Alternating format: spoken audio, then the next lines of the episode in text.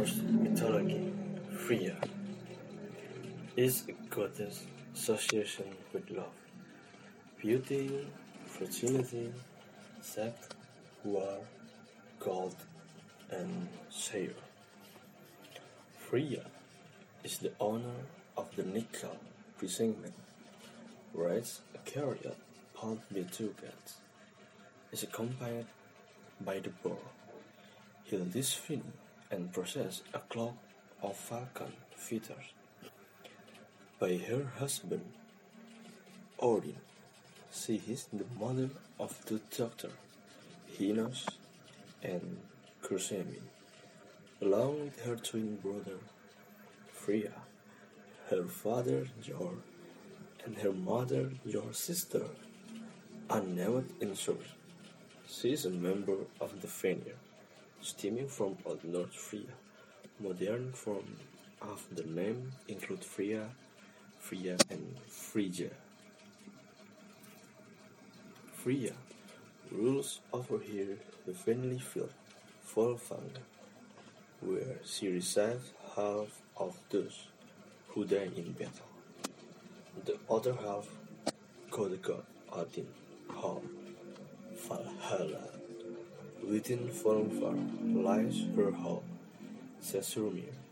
Freya assists other deities by allowing them to use her future clock is invoked in matter of fertility and love,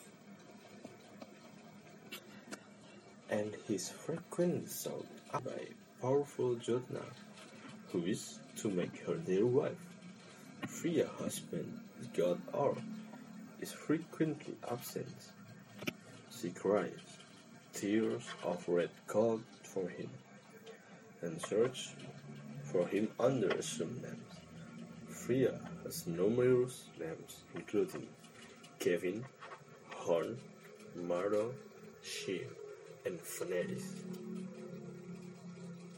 Freya is attested in the Poetic Edda, compiled in the 13th century from earlier traditional sources in the Prose Edda and Heimskringla composed by Snorri Sturluson in the 13th century in several sagas of Icelander in the short story Sörla þáttr in the prosody of Skalds and into modern age in Scandinavian folklore.